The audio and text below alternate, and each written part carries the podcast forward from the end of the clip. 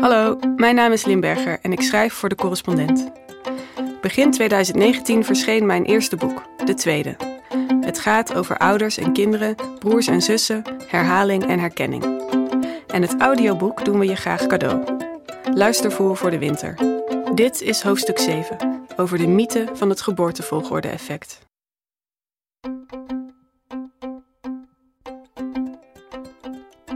De oudste is zelfstandig, de jongste een pleaser. Over de persoonlijkheid van een tweede kind bestaan, net als over die van een eerste kind, allerlei vooroordelen en aannames. Wat klopt daarvan? Dat hoor je in dit hoofdstuk. Hoofdstuk 7. Typisch de tweede. Over de mythe van het geboortevolgorde-effect. Op een vrijdagmiddagfeestje in een tuin zit ik naast een jonge moeder van twee. Haar baby is pas een paar weken oud en ligt uitgeteld op haar borst. Ze hadden er lang over gedaan, vertelt ze, om een naam te bedenken voor hun tweede. Hun lievelingsnaam was namelijk al vergeven. Die was naar de eerste gegaan. Op de schaal van een mensenleven is het klein leed, maar als metafoor vind ik het veelzeggend. Ik denk aan de spreekwoorden die onze taal kent rondom de tweede. Tweede keus, tweede plaats, tweede viool, eeuwige tweede. Aan Buzz Aldrin, voor altijd in de schaduw van de eersteling die hem voorging, daar op de maan. Ik denk aan mijn zusje en aan mijn zoon, allebei de tweede. Dankzij de bevindingen van sibling scientists weet ik inmiddels dat de eerste en de tweede ieder op hun eigen manier door elkaar gevormd worden.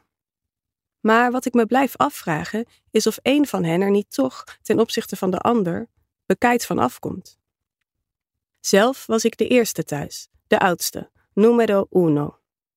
Ik was ook faalangstig, neurotisch, perfectionistisch, ambitieus, zonder twijfel op het onuitstaanbare af. Mijn zusje studeerde minder hard en ging meer uit, werkte achter elke hippe bar in de stad en bracht naschoolse middagen vaak horizontaal door, op de bank, voor de televisie. De verschillen in onze karakters schreef ik lange tijd toe aan de verschillende posities die we innamen binnen ons gezin. Het leek me al met al beter om de eerste te zijn. Je had harder moeten werken om de grenzen die je ouders je hadden opgelegd te verruimen, baande zelf het pad van jouw generatie, had een groter verantwoordelijkheidsgevoel en meer doorzettingsvermogen en kwam uiteindelijk zelfverzekerder uit de strijd. Die theorie kwam mijzelf goed uit. Maar met mijn zoon had ik al tijdens mijn zwangerschap te doen. Hij liep immers de benijdenswaardige positie van eerstgeborene mis. Dat medelijden maakte dat het me ineens toch wel verstandig leek om uit te zoeken waar ik mijn overtuigingen over de persoonlijkheidskenmerken van eerste en tweede kinderen eigenlijk op had gebaseerd. En of er iets van klopte. Wat ik niet had verwacht, was dat het spoor van mijn aannames me zou terugvoeren naar een van de controversieelste onderwerpen binnen de sociale wetenschappen. Het is 1874 en Francis Galton, intellectuele duizendpoot en een verre neef van Charles Darwin, publiceert Englishman of Science, Their Nature and Nurture. Het zijn de begindagen van de psychologie. Het geloof in objectieve wetenschap, in meten als weten, viert hoogtij. Net als veel andere denkers in die periode is Galton geïnteresseerd in de factoren die iemands succes in het leven voorspellen. In zijn boek portretteert hij 180 vooraanstaande wetenschappers en tijdens het schrijven valt Galton iets op. Onder hun gelederen zijn eerstgeborenen oververtegenwoordigd. Galtons observatie is de eerste in een lange lijn wetenschappelijke en pseudowetenschappelijke publicaties over dit onderwerp.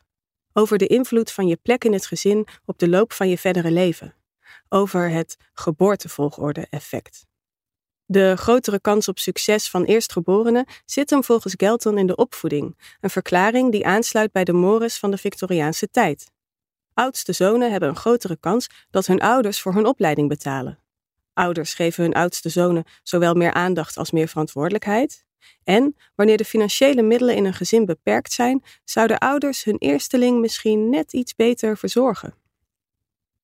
Het verdeelsysteem dat eraan ten grondslag ligt, heet primogenituur. Het aanwijzen van de oudste zoon, of beduidend minder vaak de oudste dochter, als erfgenaam. Primogenituur was lange tijd wijdverbreid in Europa. Zo maak ik op wanneer ik me inlees in de geschiedenis van gezinsverhoudingen. In het Portugal van de 15e en 16e eeuw bijvoorbeeld werden tweede en later geboren zoons vaker als soldaat naar het front gestuurd dan eerste zoons. En legden ze ook vaker het loodje. Tweede en later geboren dochters waren vaker dan oudste dochters gedoemd tot een leven in het klooster. In Venetië was het in de 16e en 17e eeuw meestal de oudste broer die mocht trouwen, waarna jongere broers bij hem en zijn gezin inwoonden, afhankelijk en ondergeschikt. Primogenituur is ook een van de redenen dat in sprookjes de concurrentiestrijd tussen broers vaak het hevigst is. Want, zoals een Brits historicus het ooit formuleerde, The manner of splitting property is the manner of splitting people.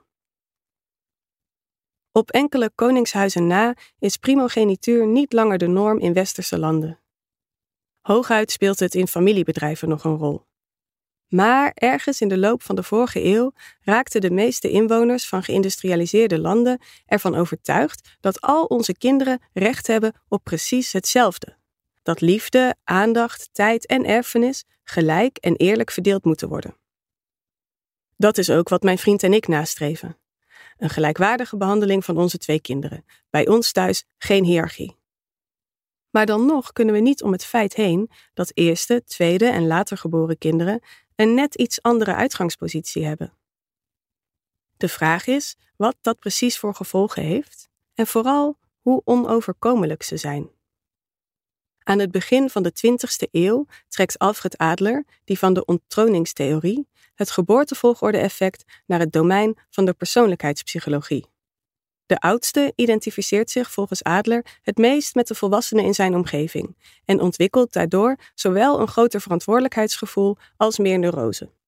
De jongste heeft de grootste kans om verwend te worden en is ook vaak creatiever. Alle kinderen in het midden, Adler zelf is een middelste kind, zijn emotioneel stabieler en onafhankelijker. Zij zijn de vredescheppers, de diplomaten, van begin af aan gewend te delen en daarom minder veel eisend. Het idee dat je geboortevolgorde van invloed is op je persoonlijkheid is na Galton en Adler veelvuldig aan wetenschappelijke analyses onderworpen. Daarbij is een reeks aan weetjes geproduceerd die ongetwijfeld nog altijd tijdens kerstdiners over tafel vliegen. Dat eerstgeborenen oververtegenwoordigd zijn onder Nobelprijswinnaars bijvoorbeeld, en onder componisten van klassieke muziek, en, grappig genoeg, onder prominente psychologen. Later geborenen waren dan weer sneller geneigd de Franse Revolutie en de Reformatie te steunen. Een vriendin, de oudste uit een nest van vier, drukt me een boekje in handen dat volgens haar moeder een veelbesproken titel was op het schoolplein van de Vrije School in de jaren negentig. Het heet Waarom ben ik mijn broertje niet?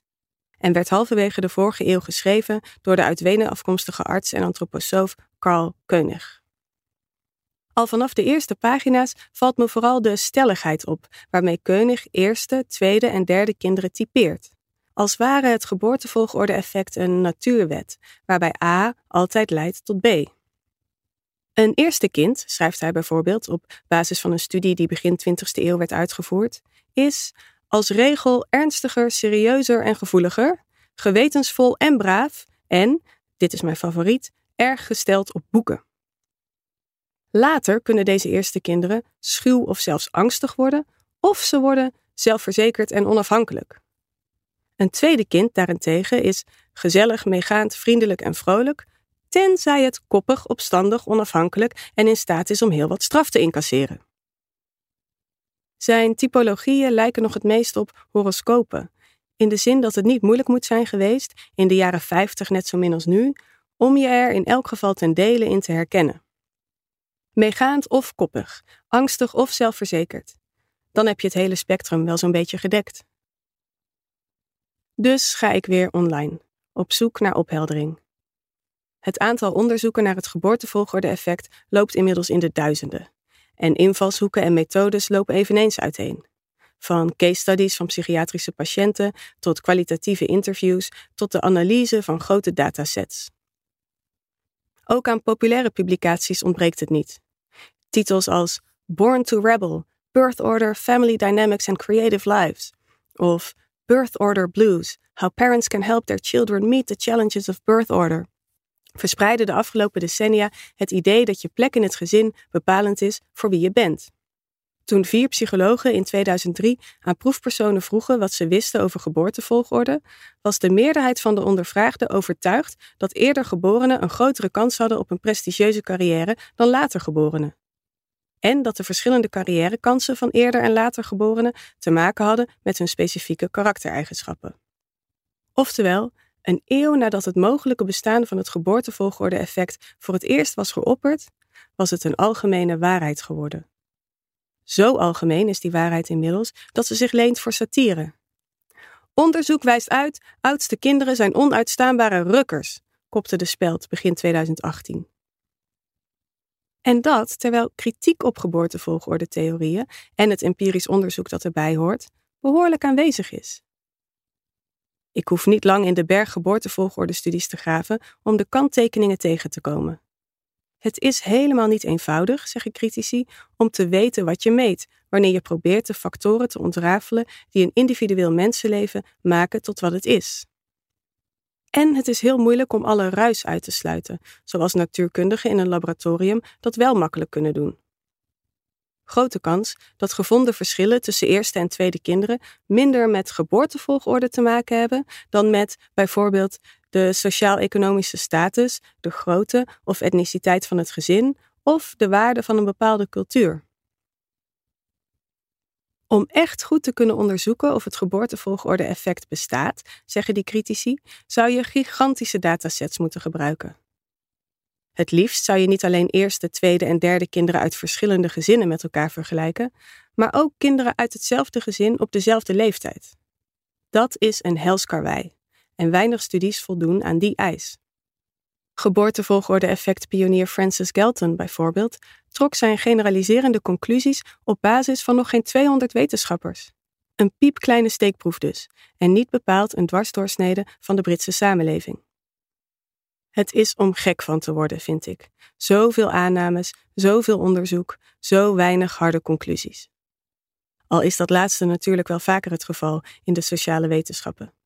Zulke onderzoeken nuanceren eerder dan dat ze de boel zwart-witter maken. En terecht. Maar ik moet weten of er iets tegenin te brengen valt. Tegen de stelligheid waarmee een vriendin opmerkt dat tweede kinderen altijd veel relaxter zijn dan eerste kinderen.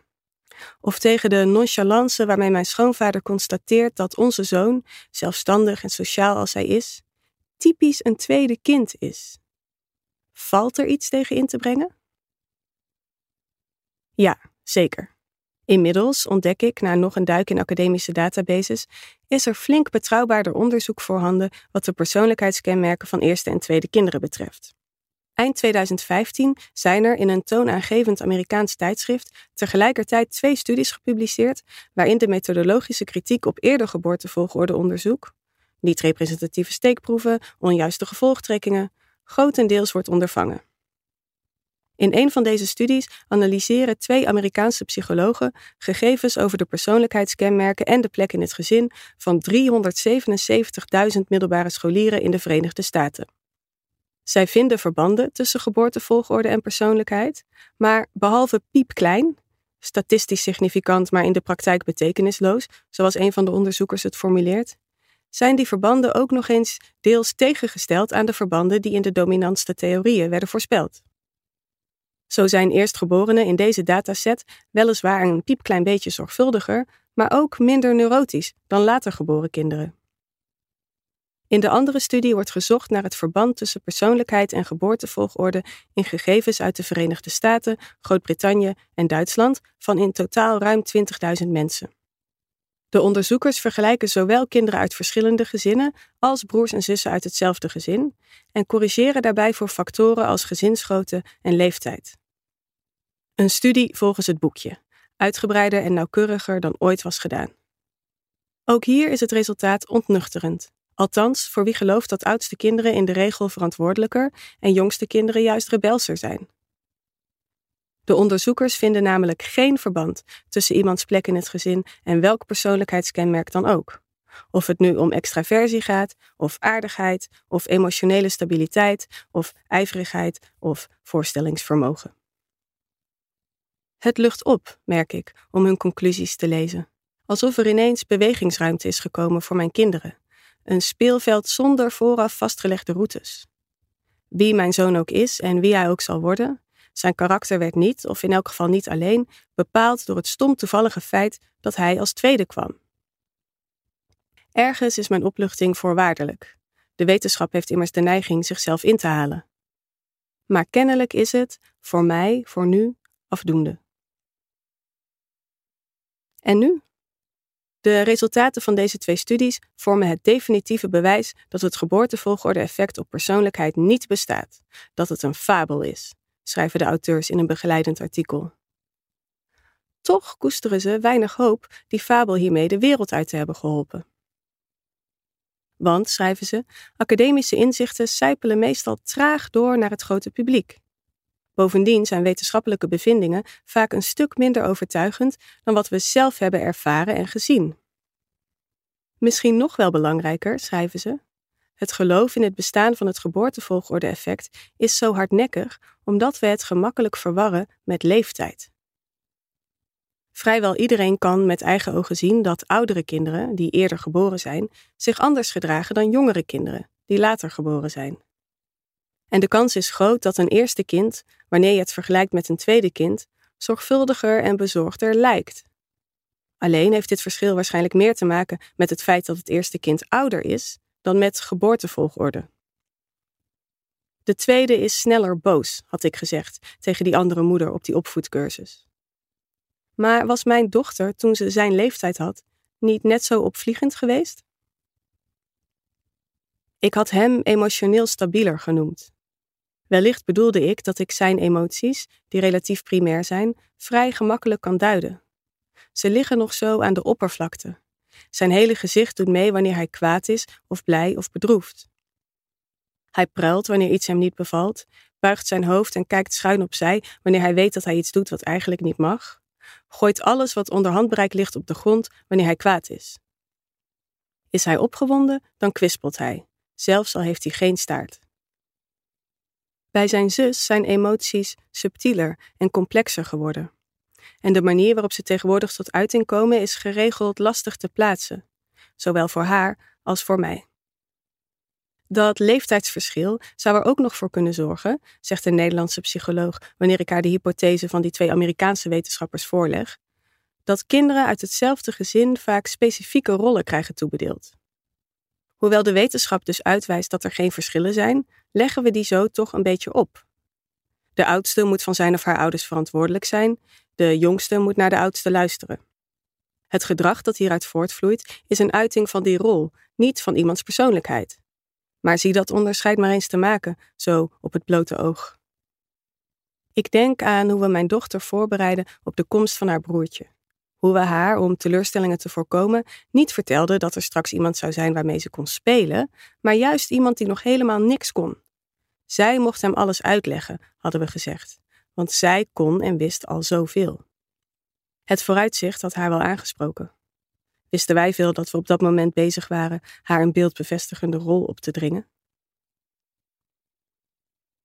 Een groep wanhopige politicologen die in de jaren negentig probeerden de mythe te ontkrachten dat zelfs iemands politieke voorkeur wordt bepaald door diens plek in het gezin, noemde het geboortevolgorde-effect een steeds terugkerende vampier, die zich met geen mogelijkheid uit de wetenschappelijke literatuur laat drijven. De controverse die het onderwerp oproept is razend interessant. Maar nog interessanter vind ik het verlangen dat uit die vasthoudendheid van zowel wetenschappers als leken spreekt. Het is het verlangen te bewijzen dat hun plaats op de gezinsrangorde onze kinderen voor het leven tekent. En nu is het natuurlijk zo dat alle omstandigheden waarin een kind ter wereld komt, of iemand als jongen wordt geboren of als meisje, in oorlog of in vrede, in relatieve armoede of exorbitante rijkdom, iemand maken tot wie hij of zij is. Maar het geboortevolgorde-effect lijkt ons op een speciale manier te boeien en te fascineren. Misschien omdat het zo concreet is.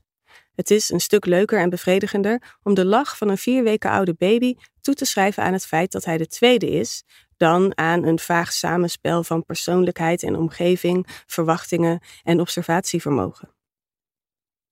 Dat concrete en overzichtelijke is ook aantrekkelijk als het effect onszelf betreft.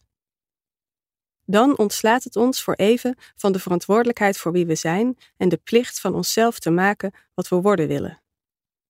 Dat ik overal zo over pieker is mijn schuld niet. Het komt doordat ik de oudste ben.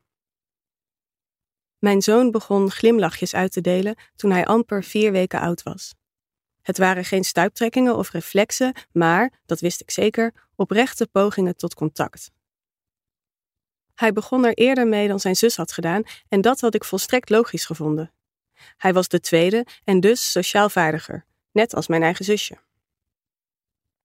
Het kwam op dat moment niet bij me op dat die interpretatie mede gestoeld was op verhalen die we al generaties lang aan elkaar doorgeven, verpakt in kleine opmerkingen als typisch de tweede of doordat ik de oudste ben. Nu begin ik te begrijpen dat die verhalen een geschiedenis hebben. En dat ze, zonder dat we het misschien doorhebben, zowel het heden als de toekomst van onze kinderen mede vormgeven. Dit was hoofdstuk 7. De volgende aflevering, hoofdstuk 8, gaat ook over het geboortevolgorde-effect, maar dit keer vooral over wat ouders anders doen, de tweede keer.